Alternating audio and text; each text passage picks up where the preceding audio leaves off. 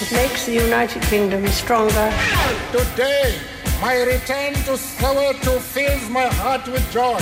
Ladies and gentlemen, welcome to London Heathrow's Terminal 5. Bon dia, Joan Carlin.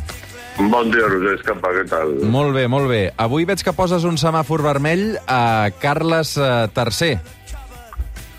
Sí, pobrets. ¿Per qué? Mira. Bueno, no, es que la semana pasada ya estaba expresando mis, mis dudas, ¿no? De que, bueno, creo que estaba diciendo que, que nada más morirse la reina, inmediatamente la monarquía británica era más frágil y también creo que dije que pasar de Isabel II a Carlos III era como pasar de eh, Lionel Messi a, a Memphis Depay. Lo que no pensé es que el Carlos se iba a delatar eh, tan rápidamente. Ha habido varios casos esta semana que demuestran que, que tiene un punto de infantil en su comportamiento que se frustra muy rápidamente en ese sentido digo infantil y que lo que definía a su a su a su madre eh, era un enorme autocontrol y este tiene también volviendo a la idea infantil poco autocontrol Mm. Mira, de fet, et deu referir a aquest moment. Is it September 12th? 13, sir. Oh, God, Aquí el nou rei d'Anglaterra s'enfada perquè eh, està signant un document i s'equivoca de data, posa que és dia 12 i en realitat és dia 13. Eh, I a més a més després es taca amb la pluma amb què està signant i, i, i, i es torna a enfadar, no? Exacto, bueno, es- ese fue el momento en el que se delató, la verdad, porque, mira, imagina a Isabel II en similares circunstancias, se equivoca de la fecha, bueno, todos nos podemos equivocar de, de la fecha, puso 12 cuando era 13. Si esto lo hace la reina Isabel, pues no se muta, o sea, lo, lo pasa y como ella pensará internamente, pensará, pues mira, esto lo dejamos para otro día y nada. Y si a la reina después eh, la pluma gotea un poco de tinta y se mancha, mancha las manos, en vez de gritar, oh God, maldita no sé cuántos, eh, o hubiera hecho como si no hubiera pasado nada, o quizá hubiera hecho una bromita. Pero Carlos se pone así todo, todo histeriquillo, como odio, dijo, I hate these things, odio estas cosas. O sea, y no tiene conciencia de que estar aquí viéndolo millones y millones de personas por televisión.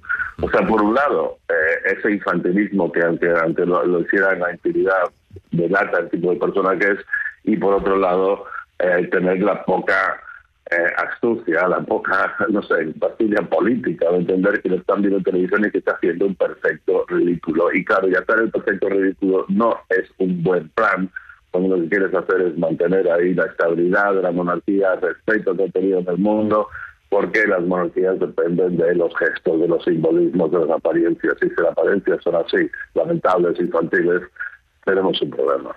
Mm. M'ha sorprès que aquesta setmana li poses un semàfor verd a Joan Carles eh, I, a l'emèrit, que dilluns serà el funeral d'estat d'Elisabet II. A veure, justifica'm això, John.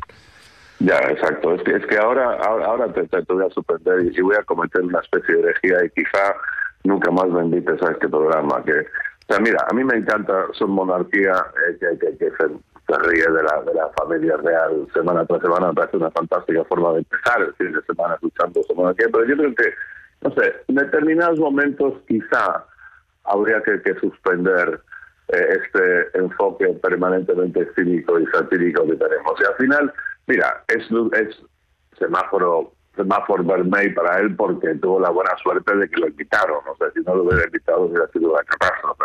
Pero yo también creo que está bien, que está bien. Mira, es un señor mayor, 84 años.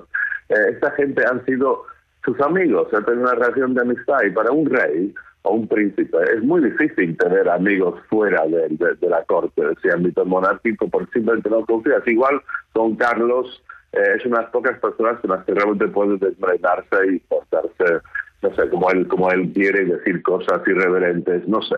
Pero entonces, por un lado, es una cuestión de, de- de amistad que esta gente tiene, y por otro, son familia. O sea, el, creo que era el abuelo paterno de Juan Carlos era abuela, perdón, abuela, era, era prácticamente inglesa, era nieta de la reina Victoria, con lo cual en estas circunstancias que alguien se muere, cosas familiares, no sé, mira, está bien, invítalo al pobre viejo, o sea, joder, ¿por qué no? Mm. Eh, De fet, es veuran les cares, eh, veurem si... Perquè diuen que no, no hi ha hagut interlocució entre pare i fill. Eh, Felip VI eh, sí que hi va com a cap de l'estat eh, espanyol, en aquest cas, eh, i allà es trobarà amb el seu pare, però clar, no li deu fer gens de gràcia, perquè ho han estat intentant evitar, no?, fins a última hora. Bueno, eso, eso es problema suyo, sí, exacto. El tema ahí de, eh, de- Pero me imagino que se va a tener que ver con el padre y, y para el público aquí en Cataluña, bueno, en España en general, eh, quizás lo que más nos interesa y lo que observemos como atención no es tanto el detalle del funeral de la reina Isabel, sino cuál es la, el lenguaje corporal entre padre, eh, padre e hijo. Eh, vamos a ver, será será para, para nosotros aquí será algo un puntito de, de interés adicional en, en el que poca gente fuera de aquí se va a fijar. -hmm. Doncs avui dos reis, Carles III i, i l'emèrit. John Carlin, bon dissabte, una abraçada, cuida't. Una abraçada, senyor. Dos minuts per arribar a les 9 del matí. De seguida reprenem el fil d'aquest suplement. El suplement, amb Roger Escapa.